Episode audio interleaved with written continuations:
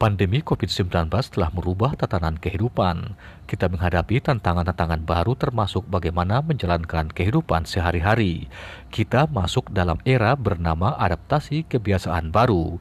Roda ekonomi mulai digerakkan dan di saat yang sama kita harus lebih waspada agar penyebaran virus dapat ditekan kita bersama-sama perlu menerapkan sejumlah tindakan pencegahan sebagai berikut. Gunakan masker secara benar, masker sekali pakai, seperti masker medis hanya digunakan sekali. Masker kain harus dicuci sebelum digunakan kembali. Pastikan digunakan bersamaan dengan pemakaian masker. Selalu menjaga jarak dengan siapa pun di luar rumah dan hindari kerumunan.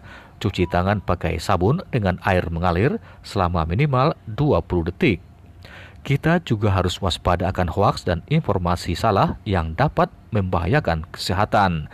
Bila kita semua bekerja sama, kita dapat melindungi diri dan orang lain dan mengatasi pandemi lebih cepat.